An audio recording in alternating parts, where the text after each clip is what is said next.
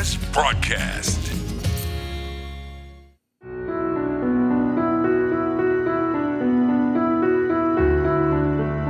ليبيون يقدمون المساعدة للعمالة الأجنبية في ظل أزمة كورونا.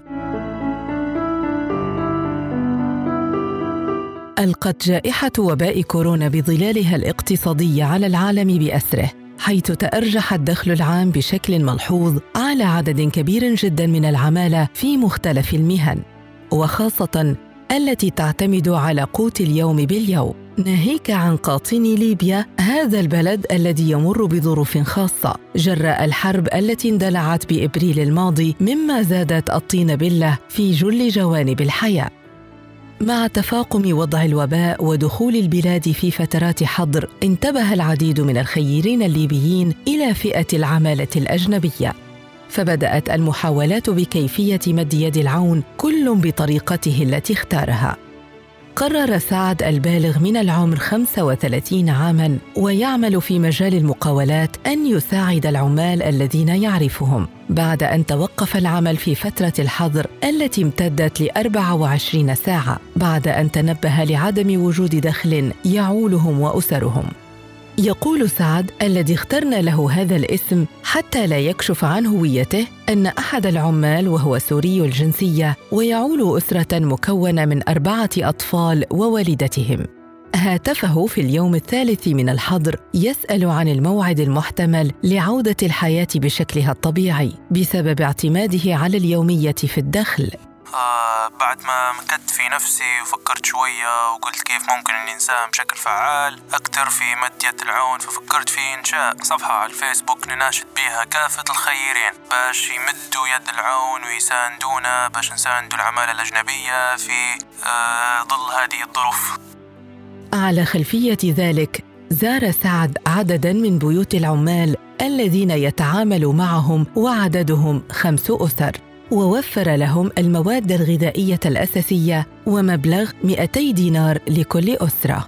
لكن مع طول فترة الحظر صار الأمر صعب على شخص واحد أن يقوم بذلك، فناشد عبر صفحته على الفيسبوك الجمعيات الخيرية وفاعلي الخير، ثم أنشأ صفحة عامة جمعت عددا لا بأس به من المتابعين.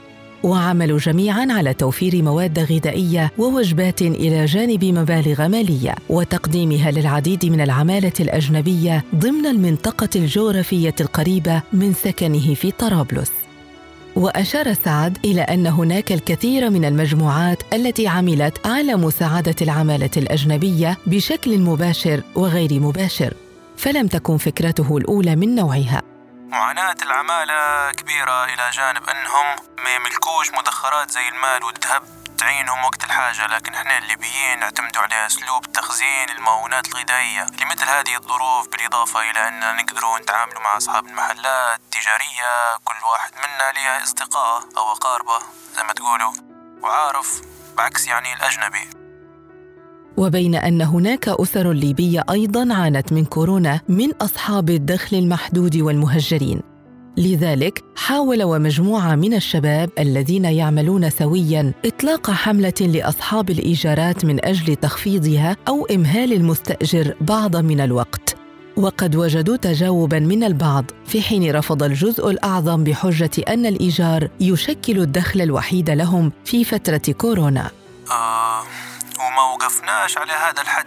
تأمين الغذاء تواصلت مع بعض الشباب والخيرين باش نطلقوا حملة تواصل مع بعض أصحاب المنازل المستأجرة باش يعطوا فرصة للمستأجر في دفع الإيجار أو ينقصوا من قيمة الإيجار.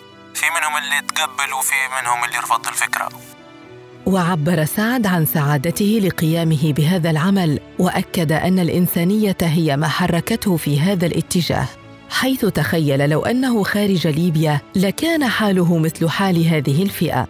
من جانبها منظمة العمل الدولية تقول إن قرابة 25 مليون وظيفة في العالم معرضة للضياع نتيجة تفشي فيروس كورونا.